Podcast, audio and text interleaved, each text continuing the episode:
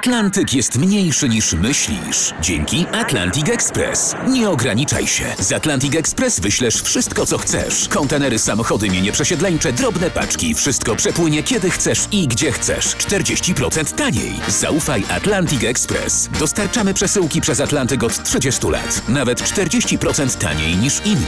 Dzwoń 1 800 775 73 63. Ekspresowo przez Atlantyk. Tylko z Atlantic Express. Zwęglone ciała były w takim stanie, że niemożliwa była identyfikacja ofiar. Od tej pory wszędzie brał ze sobą karabin maszynowy. Sceny zbrodni w RMFFM. Sceny zbrodni w radiu RMFFM powracają, no i zauważyłem również, że powroty stały się modne. Skoki, Kogo masz na myśli? No skoki narciarskie znów, e, jakby to powiedzieć, w pięknej zimowej krasie. Niczego nie sugerując, y, możemy powiedzieć, że my jednakowoż nie zrobiliśmy sobie żadnego letniego Grand Prix. My wychodzimy z progu co tydzień z nowym odcinkiem. I dzisiaj, y, no przerażający temat, ale to na wasze życzenie wracamy do tematu zabójczych, tajemniczych sekt. A zapraszają Kamil Barnowski, I Daniel Dyk. załóż kask i gogle. Pamiętaj o telemarku na dole. Sceny zbrodni w RMFFM. Wejdź do mrocznego świata przestępców. O tej sekcie być może świat nie dowiedziałby się do dzisiaj, gdyby nie zdarzenia, jakich wiele w północnym Meksyku. Dokładnie jest rok 89. Policjanci próbują zatrzymać do kontroli samochód, a ten mija ich na pełnej prędkości. Policjanci podejrzewali, że kierowca, młody mężczyzna, jest pod wpływem narkotyków. Ruszyli więc za uciekającym samochodem na sygnale. No właśnie. Sygnały dźwiękowe, błyskające światła, y, nadal nie zwalniał. Wołali przez megafon, żadnej reakcji. Zaczęli podejrzewać, że to jakiś dealer ucieka przed aresztowaniem. Typowe byli na szlaku przemytniczym. I tak dotarli za nim na jedną z okolicznych farm Rancho Santa Elena. Tu został zatrzymany, a przy okazji istniało uzasadnione podejrzenie, że drugi mężczyzna na farmie to wspólnik dealera, więc aresztowano także jego. Panowie mieli gdzieś policję, twierdząc, że czuwają nad nimi wyższe siły. Zaczęły się rutynowe przesłuchania, a skończyły się ujawnieniem mrocznej tajemnicy tej farmy. Przy okazji pytań o narkotyki, o dealerów, aresztantów zapytano, czy nie widzieli zaginionego w tej okolicy Amerykanina, Marka Kilroya. Kierowca, który nie zatrzymał się do kontroli, swobodnie, bez strachu opowiedział, że tak, że brał udział w jego porwaniu wraz z kolegami, związali go, wrzucili na furgonetkę i przywieźli na tę właśnie farmę i że tej farmy porwany nie opuścił. Ów kierowca, Serafin Hernandez Garcia, opowiedział, jak zamordowano Marka Kirloya. Bez oporu wskazał śledczym miejsce, w którym zakopano jego ciało.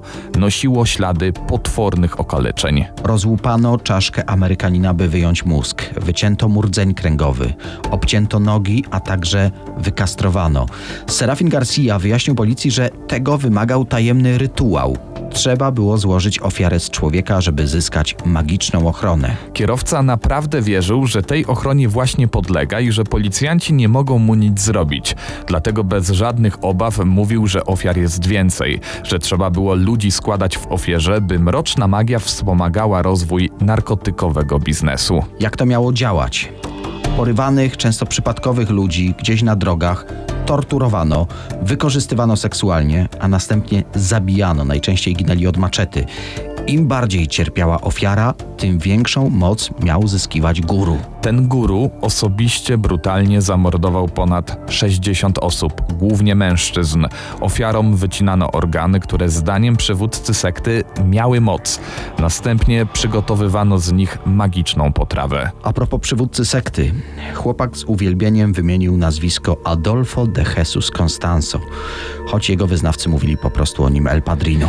On przyszedł na świat w Dniu Zmarłych, w święto 1 listopada 62 roku w amerykańskim Miami.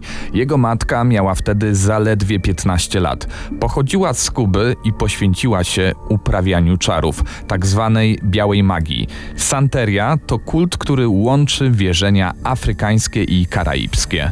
Syn dostał katolickie imię Jesus, został ochrzczony, ale równocześnie otrzymał błogosławieństwo kapłana afrykańskiej czarnej magii, który miał wizję, że Adolfo de Jesus będzie wielkim czarownikiem. Matka, wierząc w tę wizję, od dziecka uczyła syna czarów, posyłała go do szamanów na nauki, aż w końcu, gdy miał 16 lat, został oficjalnie kapłanem afrykańskiego wierzenia Palo Mayombe. Wspomnieliśmy, że matka stosowała białą magię, która miała nikomu nie szkodzić, za to syn i jego palo to ewidentnie czarna magia, krwawe obrzędy, ofiary ze zwierząt, przemoc, z nich czerpał moc.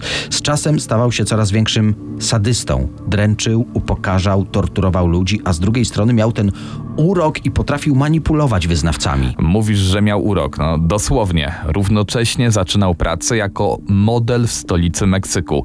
I tam też rozwinął biznes magiczny. Na ulicy stawiał karty tarota, przepowiadał przyszłość i zyskiwał zwolenników. Wkrótce stał się sławny, a za wróżby i zdejmowanie uroków brał setki dolarów. Z czasem stawiali się u niego poważni dilerzy narkotykowi, którzy za magiczne wsparcie rozwoju biznesu płacili już w tysiącach dolarów. Adolfo de Jesus uznał, że za takie pieniądze należy się coś więcej niż ofiary ze zwierząt. Prawdziwą moc mogły dać ofiary z ludzi. Początkowo korzystał ze szczątków ludzkich kradzionych ze świeżych grobów na cmentarzach. Wycinał organy i z nich przygotowywał magiczne potrawy w swoim rytualnym kociołku, ale im większą zyskiwał sławę, tym mocniej wierzył w swoją moc. By zaimponować szefom karteli narkotykowych, stawał się brutalniejszym i bardziej bezwzględnym od nich. Stał się naczelnym czarownikiem rodziny Caldeza. Przez rok pomagał magicznie rozwijać ich kartel, a w końcu bezczelnie zażądał poważnego udziału w interesach. I gdy odmówili, spełniła się przepowiednia czarownika. Ich ciała wyłowiono z rzeki, bez części organów, które, jak się domyślacie, trafiły do rytualnego kociołka. Następny kartel, rodzina Hernandezów, oddała mu połowę majątku, między innymi za to, by interes kwitł, a ich żołnierze byli niewidzialni dla policji i niewrażliwi na kule. Niewidzialność oczywiście zapewnił swoimi kontaktami w policji sam El Padrino. Szefowie policji meksykańskiej też wierzyli w jego magię, też chodzili do niego na wróżby, no i trzymali się z daleka. Wierząc też coraz bardziej w swoją moc, sam zaczął zabijać konkurencyjnych handlarzy narkotyków i zabierał ich towar. Nakradł w sumie blisko tonę marihuany i planował ją przerzucić do USA.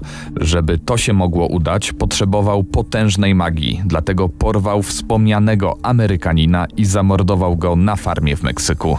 No właśnie, Mark Kilroy i wróciliśmy na tę farmę. Policja aresztowała jednego z jego wyznawców, a ten pokazywał, gdzie zakopano 12 zwłok. Były zmasakrowane, brakowało organów. Jak wyjaśniono, El Padrino gotował z nich w swoim rytualnym kociołku potrawy dające mu magiczną moc. W tym kociołku znaleziono także pływający we krwi mózg poszukiwanego Amerykanina. No właśnie, by pozyskać powodzenie dla przerzutu narkotyków z Meksyku do Stanów Zjednoczonych, złożył ofiarę z Marka Kilroya. Jego ofiara pochodziła z bogatej, wpływowej rodziny, która naciskała na meksykańską policję, by pojmała zabójcę. Zaczynała się zaciskać więc pętla wokół tego czarownika. Adolfo postanowił więc zniknąć. Zmusił swoich wyznawców, by go ukrywali. Media jednak nagłośniły mroczną tajemnicę jego farmy. Cały Meksyk go szukał. I wtedy Adolfo wywróżył sobie starota, że zdradzi go ktoś mu bliski. Od tej pory wszędzie brał ze sobą karabin maszynowy. No i wówczas prawdziwy cios. Na farmie Santa Elena odprawiono egzorcyzmy, a następnie wszystko spalono. Media to opisały, a Adolfo uznał, że w ten sposób pozbawiono go części jego mrocznej mocy. W dodatku aresztowano kolejnych jego wyznawców. No już nie miał dokąd uciekać. Popadał w coraz większą paranoję, w istny obłęd. I tak docieramy do 6 maja 1989 roku. Adolfo de Jesus Constanzo ukrywa się w mieszkaniu swojej przyjaciółki i zarazem najgorliwszej wyznawczyni. Zauważa też policjantów chodzących od drzwi do drzwi. Wiedział, że poszukują właśnie jego. W rzeczywistości policja szukała jakiegoś zaginionego dziecka, no ale tego czarownik nie przewidział. Sięgnął więc po broń i w panice zaczął strzelać do policjantów. Ściągnięto posiłki, otoczono budynek, Prawie godzinę trwało oblężenie. Wówczas Adolfo rozkazał swojemu wyznawcy, płatnemu mordercy, by go zastrzelił. Zapewniał, że ma jeszcze na tyle dużą moc, że zdoła powrócić z martwych, a jednak płatny zabójca bał się zabić mistrza.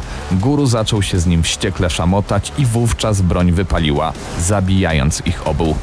Po śmierci Adolfo przed sądem stanęło ponad 20 jego wyznawców, którzy otwarcie przyznawali się do praktyk magicznych, a że przy okazji mordowali ludzi, no to przecież tego wymagały obrzędy. Ich skazano na wysokie wyroki, ale prawdopodobnie nie udało się skazać wszystkich wyznawców tej sekty. W scenach zbrodni dzisiaj wyjątkowo trudny temat. Zabójcze sekty. To tak naprawdę historie ludzi szukających, poszukujących swojej życiowej drogi, którzy wpadają w ręce manipulatorów, bezwzględnych przestępców. Pod przykrywką religijnego kultu kryje się, jak się później okazuje, gang wykorzystujący naiwność zagubionych ludzi. Tak też niestety będzie i w tym wypadku. Przenosimy się do Afryki, dokładnie do Ugandy. Właśnie tutaj powstał ruch na rzecz przywrócenia dziesięciu przykazań bożych. Organizacja, która poza nazwą niewiele ma wspólnego z chrześcijaństwem. W 2000 roku ta sekta doprowadziła do śmierci blisko tysiąca swoich wyznawców. Uganda to niezbyt bogate państwo afrykańskie, które targane jest wojnami etnicznymi, niewolnictwem, zabójstwami politycznymi. Ponad 80% mieszkańców kraju to chrześcijanie, głównie protestanci i katolicy. Wracając do ruchu na rzecz przywrócenia dziesięciu przykazań bożych, przed tragedią z 2000 roku o sekcie tak naprawdę słyszało niewielu. Motorem napędowym ruchu była Credonim Verinde, była prostytutka i sklepowa ekspedientka. W dużym skrócie, w 88 roku kobieta razem ze swoim ojcem miała doświadczyć wielu objawień maryjnych. I właśnie w trakcie tych mistycznych spotkań Kredoni dostała polecenie głoszenia ludziom orędzia Matki Boskiej. Przekonywała, że wkrótce nadejdzie apokalipsa, a Bóg będzie łaskawy tylko dla wyznawców ruchu na rzecz przywrócenia dziesięciu przykazań bożych. Grupa rozrastała się dość szybko. Jej szeregi zasilali suspendowani księża i zakonnicy po ekskomunice. Wyznawcy sprzedawali swój majątek i dołączali do Kredonii. Prawdopodobnie organizacja nie byłaby tak wielka, gdyby nie postać Dominika Kataribabo. To ksiądz, który dołączył do tego zgromadzenia, uwaga, uzyskał tytuł doktora na Uniwersytecie w Stanach Zjednoczonych, co naturalne cieszył się więc sporym autorytetem i ten eks-ksiądz sprzedał cały swój majątek i stał się jednym z przywódców organizacji. Za jego sprawą do sekty przystąpiły tysiące osób. W szczytowym momencie ruch liczył około pięciu tysięcy wyznawców. Oczywiście, jak to zwykle w takich przypadkach, musiał gdzieś być finansowy haczyk. No właśnie, członkowie tego zgromadzenia musieli sprzedawać cały swój majątek, jak już wspominaliśmy, a pieniądze przekazywali przywódcom sekty. Spora część tej wspólnoty przeniosła się w 1992 roku na wschód Ugandy. Region ten nosił nazwę Kanungu. Za pieniądze wiernych zbudowano tam budynki mieszkalne, kościół, a nawet szkołę. No powstało miasteczko. I to właśnie tam rozpoczęło się bardzo surowe życie wyznawców tego kultu. Członkowie grupy w sposób skrajny musieli przestrzegać dekalogu. Dwa razy w tygodniu jedli tylko jeden posiłek dziennie. Między członkami nie mogło dochodzić do żadnych zbliżeń seksualnych. Używanie mydła również było zabronione. Zalecano wiernym, aby w ogóle nie rozmawiali między sobą. W niektóre dni komunikowano się wyłącznie za sprawą języka migowego. Rozdzielano również dzieci od ich rodziców, aby trudniej było się przystosować do nowych warunków. Członkowie wspólnoty zbierali się na nocnych modlitwach, żyli w skrajnym ubóstwie, trzymali się z dala od innych. W 1998 roku lokalne władze zamknęły szkołę należącą do tej sekty. Było to związane z informacjami o złym traktowaniu dzieci, bo o tym nie wspomnieliśmy, ale dzieci zmuszano do niewolniczej pracy. I tak wielkimi krokami zbliżamy się do roku 2000. Ten czas był niestety wręcz rajem dla oszustów różnego pochodzenia. Tak było i w tym przypadku. Liderzy wspólnoty przekazali wiernym, że dostali taką informację bezpośrednio z nieba, że koniec świata nastąpi 31 grudnia 99 roku. Jednak, jak łatwo zauważyć, koniec świata nie nastąpił. Dlatego wielu wiernych postanowiło odejść od sekty, a ludzie domagali się zwrotu swoich pieniędzy. Jak się domyślacie, sytuacja zaczęła wymykać się spod kontroli y, tych, którzy stali na czele sekty, dlatego dlatego szybko trzeba było ustalić jakąś nową datę apokalipsy. Dzień ten, według nowych wytycznych z nieba, miał przypadać na 17 marca 2000 roku.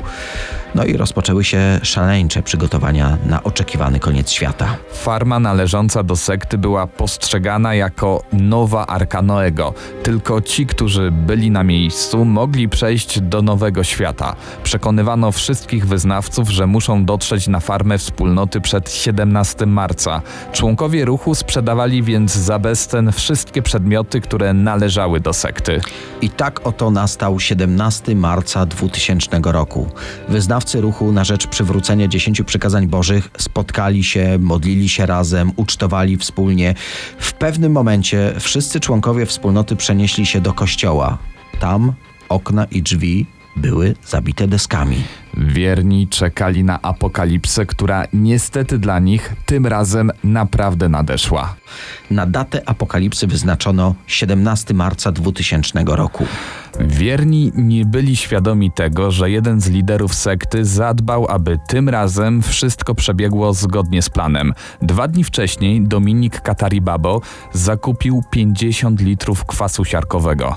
O 10.30 całą okolicą zatrząsł potężny wybuch. Lokalni mieszkańcy, gdy dotarli na miejsce wybuchu, od razu poczuli swąd palonego mięsa. Nie wiedzieli, co się stało, widzieli jedynie palący się kościół. To, co zobaczyli wewnątrz, prześladowało ich do końca życia. Setki zwęglonych ludzkich ciał, dzieci, kobiet i mężczyzn. Temperatura pożaru musiała być gigantyczna. Na tym niestety nie koniec tej tragedii. Kilka dni później w posiadłościach liderów sekty odkryto masowe groby. W zdecydowanej większości ofiary zostały otrute i to trzy tygodnie przed eksplozją na farmie. 21 marca odbył się symboliczny pogrzeb członków ruchu na rzecz przywrócenia dziesięciu przykazań bożych. Według ugandyjskiej policji przez tą sektę życie straciły 924 osoby. Tak naprawdę do dzisiaj nie wiadomo, czy to, co wydarzyło się 17 marca 2000 roku, było zbiorowym samobójstwem, czy też morderstwem zaplanowanym przez liderów wspólnoty. Do dzisiaj nie wiadomo również, co stało się z liderami sekty. No właśnie, zwęglone ciała były w takim stanie, który uniemożliwiał identyfikację ofiar. W 2014 roku policja z Ugandy ogłosiła, że jeden z guru sekty może ukrywać się w Malawi. Dlatego wydano za nim międzynarodowy nakaz aresztowania. Warto tutaj dodać również, że członkowie sekty zostali właściwie całkowicie odseparowani od swoich bliskich spoza farmy. Nikt oprócz wyznawców nie wiedział o zbliżającej się tragedii. Mimo tego, że od masakry w Kanungu minęło ponad 20 lat, właściwie nikt nie poniósł żadnej odpowiedzialności za śmierć blisko tysiąca osób. Daniel Dyk i Kamil Barnowski prezentują Sceny zbrodni w RMFFM.